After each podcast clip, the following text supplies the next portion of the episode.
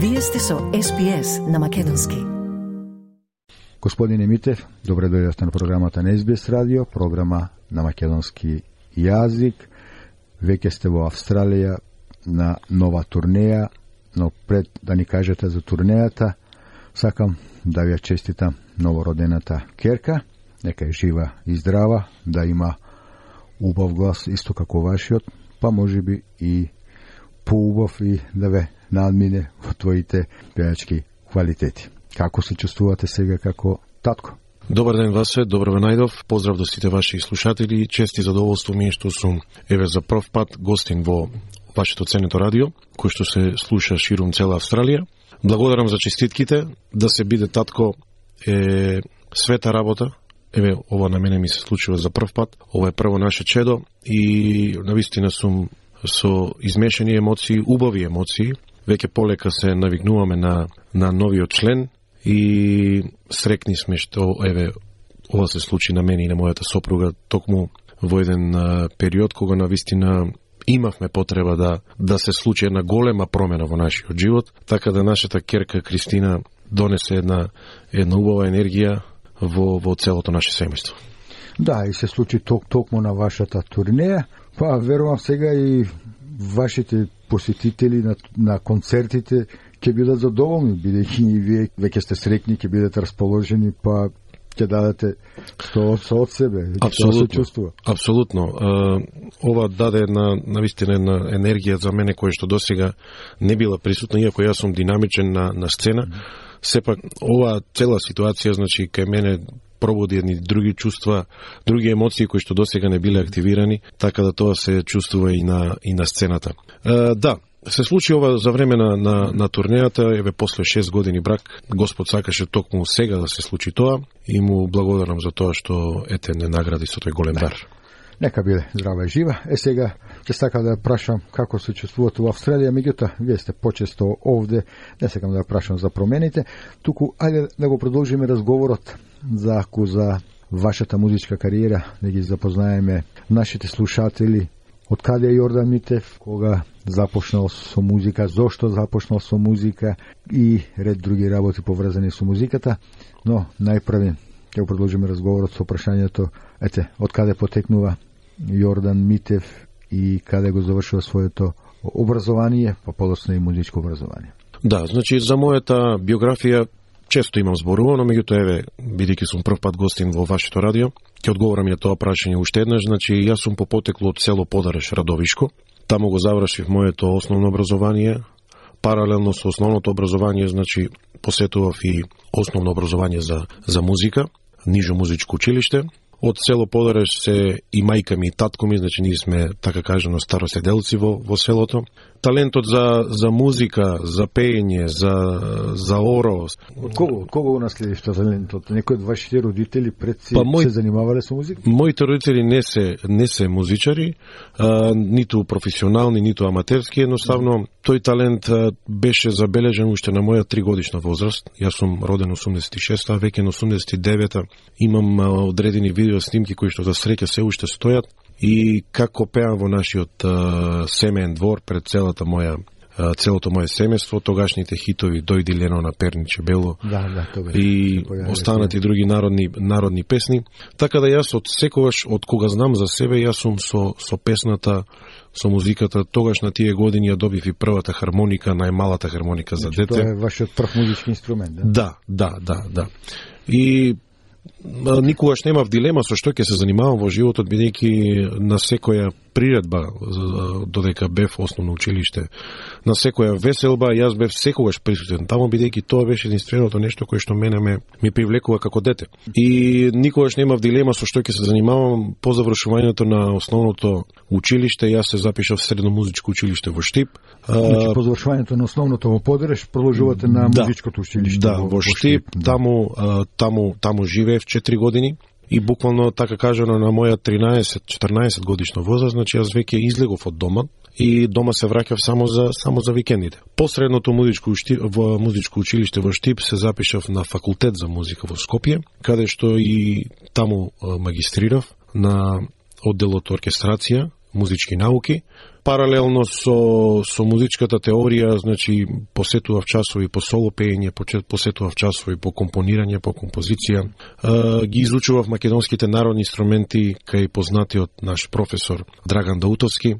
Така да едно, едно прилично обемно образование, кое што сето тоа мене ми изгради како личност и направи да прерасна во еден професионалец, кој што освен што пеам, освен што свирам, ете публиката дел знае, дел не знае дека јас сум и автор, комплетен автор на, на сите мои песни кои што ги пеам, од да, музика, текстови, ке... аранжмани. Да, да, ќе позборуваме за тоа и подосна. Вие сте значи и факултетски образован човек, ете магистар по музика, дипломиравте музичка, на одсекот за музичка теорија и педагогија со народни инструменти. Така. Па колку народни инструменти свирате?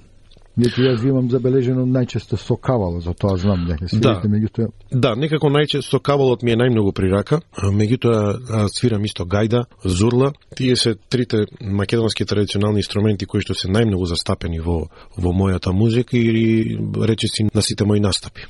Е сега како академски музичар покрај она пењето професионално, дали вашето образование го искористувате за промоција на македонската музика, на македонските народни инструменти из Македонија, па и во другите простори на Балконот или во Европа, преку одржување на некакви семинари или предавања? Да, значи додека бев студент, јас бев присутен на многу е, фестивали широм цела Европа. Бев присутен на разноразни фестивали за за промоција на македонскиот фолклор, но кога веќе стапнав на професионалната естрадна сцена, некако тоа се повлеко бидејќи почнав да бидам презафатен со многу настапи, многу гостувања широм целата наша македонска диаспора, кој што веќе трае а, тоа активно делување на, на сцената скоро 15 години и се на некој начин дистанцирав од такви активности одрж, одржување на, на семинари. Но како студент, значи, бев доста присутен на, на многу значајни а, семинари за македонски фолклор, кои што ги одржував за, за како за македонци, така најмногу и за, за странци, луѓе, луѓе кои што се германци, швеѓани, да, кои што преуваат интерес фолклор, да, за, инструменти, за Македонија и за македонскиот фолклор, да. Така да тоа беше едно моје интересно искуство кој што исто така допринесе да јас се изградам во во еден професионалец кој што ќе има познавање прво од традиционалната музика кој што е темел за за се понатаму кој што создавам во духот на на нашата македонска традиција. И сега, а, пак ќе се вратам на инструментите. Лично ме интересира, ги спомнавте дека свирите на хармоника, пијано, кавал, гајда. Да. Кој инструмент вака ви го прави, би рекол, ете, порадовишки, ви го прави меракот? Кој е... Секој инструмент е убав. А, нема, нема лош инструмент. А, секој инструмент има свое место, а, своја убавина, во зависност од тоа каде е во моментот присутен, во каква песна, во каква мелодија. Кавалот има своја убавина, хармониката има своја убавина, пијаното има своја убавина, зурлата, гајдата, затоа и доколку ја преслушате мојата музика, а има доста за слушање, и имам јас преку отприлика околу стотина аудио записи, ќе видите дека секој инструмент е искористен во, во одредено парче музика кој што јас го имам направено. Затоа и, и, и новосоздадената македонска музика која што јас ја создавам опфаќа еден поширок спектар на, на жанрови од а, традиционална музика па се до одредени мелодии кај што има примеси на поп, на фолк, на малку помодерен израз кој што со кој што се трудам да ја опфатам и и помладата генерација. Да. Така да се што досега јас имам акумулирано како професионалец, и како човек и го, го имам тоа сето пренесено во моите песни, кои што, ете, за среќа имаат можам да кажам голема или најголема гледаност на на социјалните мрежи кои што во денешно време според мене се едно мерило за за тоа колку нешто е квалитетно или неквалитетно. Така да мојата музика е доста барана како на како на YouTube, така и на сите музички платформи широм целиот свет и сум посебно горд што ете освен како изведувач, јас сум и комплетен креатор на сето тоа кој што кој што публиката го слуша. Значи, а, тоа се ваши повеќе тоа се речи сите се ваши песни со аранжман, да, а, да. текст. Да, тоа се мои композиции. Дел од нив веќе ме радува што почнуваат да се обнародуваат, да се пеат на разноразни а, пригоди. Јас се трудам колку што можам секогаш да бидам активен во авторството, но бидејќи сум презафатен со многу настани, со многу настани ширум цела Македонија, Европа, еве во Австралија доаѓам често, меѓутоа еве моето последно доаѓање беше во 2019 година пред короната пред пандемијата. Ова е мое после 4 години, значи повторно доаѓање во Австралија, но во Македонија сум многу активен и сето тоа ми одзима на мене многу енергија и многу време. Затоа и во текот на една година јас не создавам премногу композиции, но тоа што ќе го создадам, внимавам да сето тоа биде квалитетно. Од каде ги црпите темите, мотивите за создавање на една песна? Каде наоѓате мотив? Како македонец и човек кој што живее во Македонија со целото моје семејство, нашето општество е непресушен извор за инспирација на многу теми, бидејќи ние живе, живееме во едно турбулентно општество. Како народ сме доста емотивни, со богата традиција. Јас сум човек кој што не се одделува од својот корен, значи јас сум активно присутен а, кога сум слободен помеѓу моето семејство, а сето тоа а, придонесува да јас како автор бидам инспириран да создавам од патриотски песни до родољубиви, до а, свадбарски песни. Значи се што опфаќа нашиот македонски менталитет. За секого понешто. Да се љубовни песни, така да навистина ги имам опфатено речи си сите теми. Сретнав еден податок, не знам сега колку е точен, дека ваша прва песна е кога тргнав цветово тугина, а последна денес ми е добро на на душичката. Се сеќавате вие, вака на поголем настан, со која песна настапивте? Па кога трна цветово тугина, таа песна е, како што знаеме, една од постарите песни антологиски, некоја авторска, веќе на починатиот Авас Цановски, кој што беше мој многу добар пријател. Инако таа песна прво ја има снимано Васка Илиева, не можам да се сетам точно која година, меѓутоа некаде во 60-тите години. И таа песна јас како дете ја пеев често на многу аматерски фестивали. И еден од тие фестивали кај што јас настапив беше во Радовиш, Не се сеќавам колку години бев, но знам дека не бев сигурно повеќе од 10. Кога почнав да ја пеам таа песна, на еден отворен простор, беше летно време, целата публика стана на нозе да, да види кој е тоа тамо дете кој што, кој што пее со оркестарот. И некако таа песна ме следеше сите години и кога стапнав на, на професионалната сцена, меѓу првите песни кои што ги снимив беше токму кога тргнат Светово Тугина. За истата снимив и видеозапис во едно прекрасно а, место во, во, во моето поднебје, тоа е селото Смилјанци. Да, убаво место, морам да го пофалам. Да, да. Така да таа песна е меѓу првите мои аудио и видео снимки кои што кои што на некој начин ме ме лансира на на македонската сцена. Иако тогаш како тинејџер на 18-19 години. Беше атрактивно да се да се снима нешто помодерно, нешто кое што е во тренд со, со младите. И јас го зедов кавалот, облеков, ја облеков македонската народна носија и заминав во во едно село каде што ја снимав кога тренат Светово Тугин и тоа беше на некој начин чудно за многу од мојата генерација и во тоа време, но јас имав некоја некоја визија, некоја некоја моја желба некое предчувство дека можам нешто да направам во македонската фолк музика. Можам да да се издвојам и не само да се издвојам, него и да наметнам некој мој Да, да оставите свој печат, некој свој... мој печат да оставам. Така да мислам дека тоа таа моја интуиција не ме излага досега. Јас се реализирав комплетно и уште се реализирам. Се уште имам уште многу планови кои што треба да ги реализирам. Така да само се надам да ме одржи ете здравјето и ентузијазмот. Да, за плановите ќе оставиме за крај од разговорот. Веќе повеќе години си на естрадата во, во Македонија. Каква е соработката со останатите пејачи, па музички групи, автори, композитори, како оди таа соработка? Со кого така најмногу соработуваш? Да, бидејќи јас сум комплетен креатор на мојата а, музика, на мојата кариера, тргнувајќи од како што кажав од музиката па се до реализација на на одредени видеа кои што ги имам на повеќе од моите а, песни, тие може да се исто да се видат на YouTube, кои што имаат милионски прегледи. А, мојот круг на соработници е прилично тесен и прилично затворен, затоа што кога правите се прилично сам, тогаш а, едноставно се затварате сами во во музичката работилница и креирате. Тоа кај мене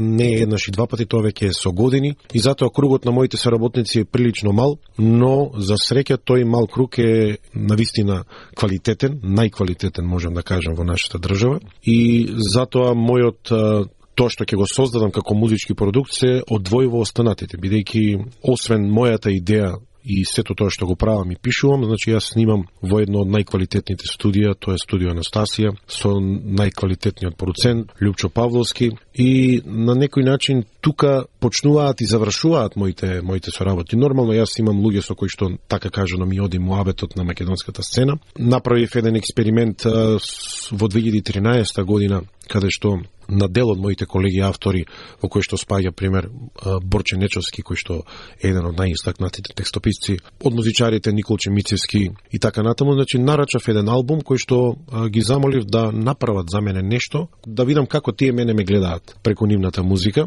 И нормално дадав јас одредени насоки каде треба да се да се фокусираат. И тоа беше еден албум од 6-7 песни кои што јас во 2013 го извадив со останати соработници и автори, но генерално значи мојот круг на соработници е прилично мал, бидејќи се што правам јас во мојата работа го правам тоа сам.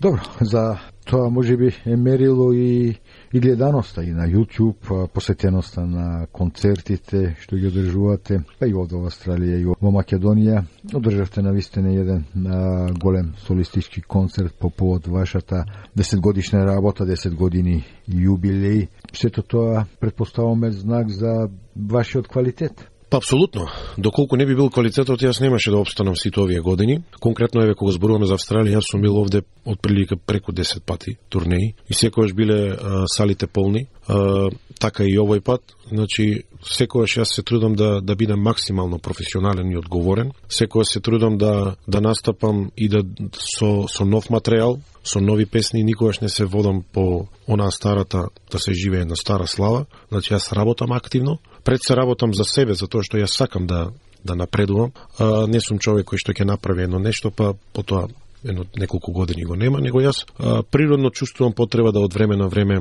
а, за неколку месеца направам нешто ново, да таа моја тоа што се има акумулирано во мојата душа од мојот живот и се што имам слушнато или видено, доживеано од останатите, се што мене ме обкружува во животот, да тоа го преточам во музика. И фала им на публиката што ете мојот труд и мојот квалитет го забележуваат и тоа го наградуваат како во Австралија, така и во Македонија, така и секаде каде што гостувам. Посетени се и овде концертите, а посетени се колку што можам да забележам од социјалните медиуми, колку што успеам понекогаш да следам музиката, дека се посетени и во Македонија. И сега, овде сте после завршувањето на COVID ситуација. Накратко, не можам да не прашам како го поминавте тој период на изолација, зашто и во Европа беше слично и во Македонија и тогаш за страните уметници рекол дека беше најтешко во тој период. Да, па беше тешко за многу луѓе, не само за естрадните уметници, беа фатени многу луѓе.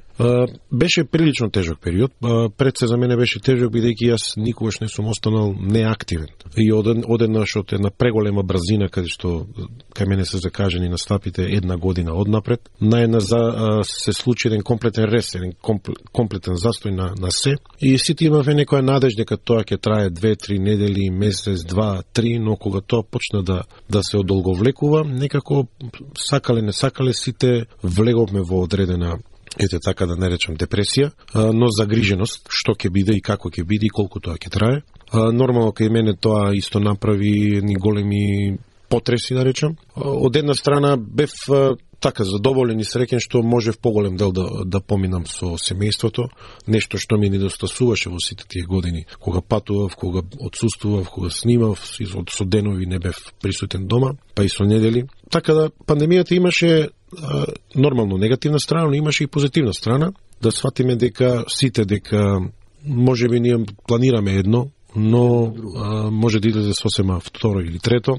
Сведоци сме дека многу луѓе ги загубија животите и сметам дека треба да научиме дека ете, треба да се бориме во животот, но најважно е да го зачуваме здравието. Бејќи одамна не сум бил на концерт на некој певач во Македонија, овде во Австралија поредко, каква е разликата меѓу публиката во Македонија и публиката во Австралија? Има некоја разлика? Кога настапувате, кога одржувате концерт? Па, ќе бидам искрен до крај, може би во изминативе години, првите години кога доаѓа во Австралија, имаше разлика, поеуфорични беа настапите овде во Австралија кога настапував, бидејќи јас имав еден период од кариерата каде што повеќе публиката и македонците ме познаваа надвор од Македонија отколку во Македонија. Но со текот на времето, со мојот, моето докажување во, во сите тие години, значи некако мојата популарност се избалансира како во диаспората, така и во, и во Македонија.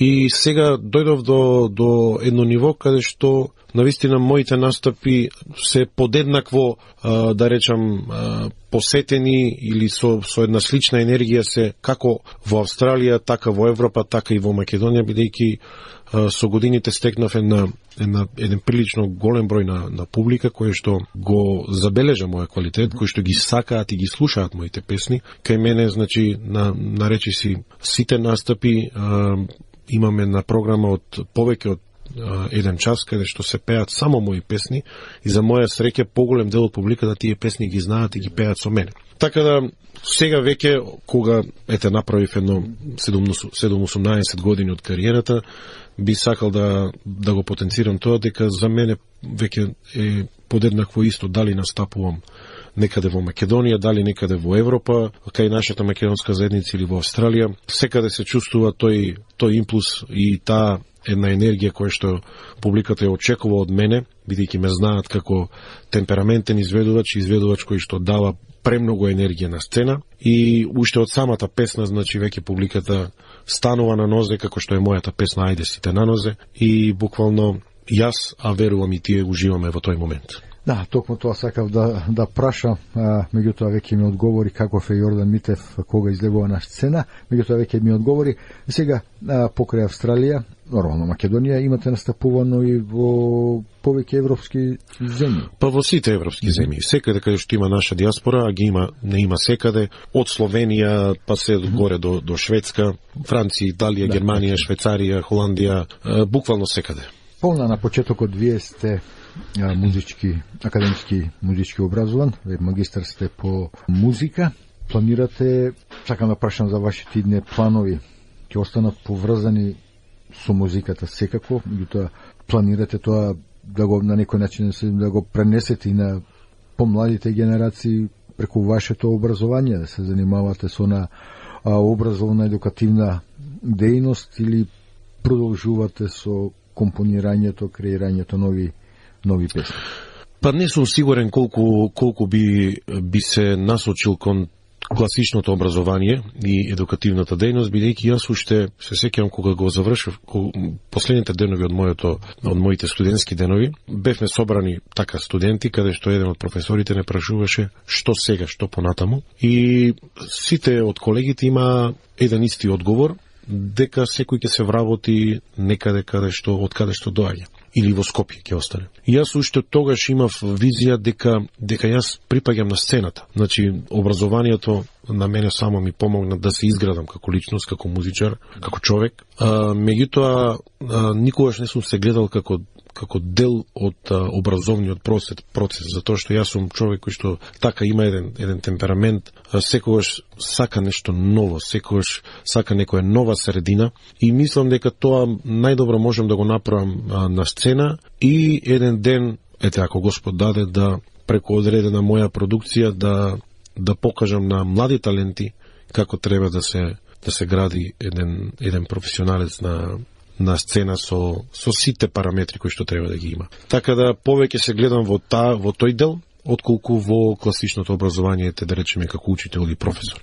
Но, како што велат, никогаш не вели, ни, никогаш не се знае. Моето знаење и, и дипломата никој не може да ми го земе, значи тоа е нешто кое што е цврсто забетонирано и заслужено, бидејќи јас бев, ете, еден студент кој што беше доста доста истакнат, но а, како што кажав, моето знаење и моето образование јас се го имплементира во денес во тоа што го работам. И сега овде сте на турнеја во Австралија, накратко рече си останувате еден месец, да не кажам на средина на турнеја сте, забележав дека некои концерти се распродадени, дека во некои градови се закажуваат и нови. Да.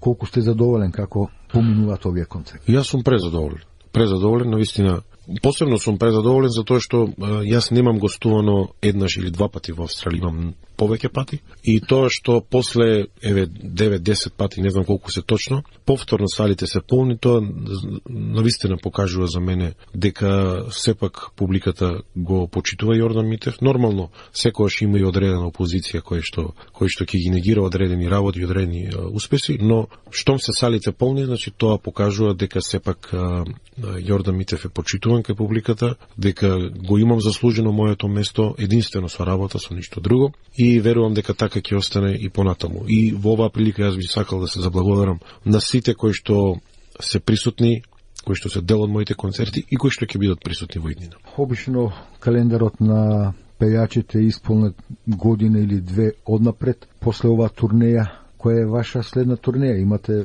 веќе закажено или? Да, после оваа турнеја јас се враќам во Македонија. имам уште неколку настапи да ги дозавршам до крајот на годината и заклучно со 31 декември, значи ќе бидам во во Македонија за дочек на нова година. Веќе во 2024 агендата се полни и ќе имам гостување во Европа. Нормално следната година не би дошол во Австралија за за турнеја, ќе треба да помине малку така, време. Малку време, минимум две години. Така да Јас продолжувам со работа. Добро, продолжувате со работа и да. што може од Јордан Митев да очекуваме нешто ново во Инјена, ќе ни откриете дел од плановите или ќе го чувате како изненадување? Сигурно ќе има нови песни, а се останато зависи од многу работи, од многу случувања. Вие знаете, бидејќи сте дел од медиум, знаете Македонија во, во, во каква атмосфера функционира и сето тоа не може и мене да, да не, ме, не може да ме одмине. Така да ние живееме во едно непредвидливо време, не се знае кој што, како, каде, но ќе оставам на времето да покаже каде ќе се движам, како ќе се движам и што ќе се случува понатаму. Господине Митев, благодарам за ова ваше гостување во СБС радио, програмата на македонски јазик. Ни беше задоволство. Ве имаме како гостин за прв пат. Се надам дека во наредните гостувања ќе бидете повторно наш гостин и ви посакувам успешна турнеја и секако голем успех на музички план, исполнување на вашите музички па и животни планови. Ви благодарам и беше чест што поразговаравме. Уште еднаш поздрав сите ваши слушатели, да сте здрави и живи. Еве може во за вашите слушатели да ги поздравам со еден мој познат рефрен кој што оди вака. Наздрави за љубов, наздрави за среќа, наздрави за секој ден. Животот е еден и тој не вреден, ако не го живееш. Стиснете, ми се допаѓа, споделете, коментирајте. Следете ја SPS на Македонски на Facebook.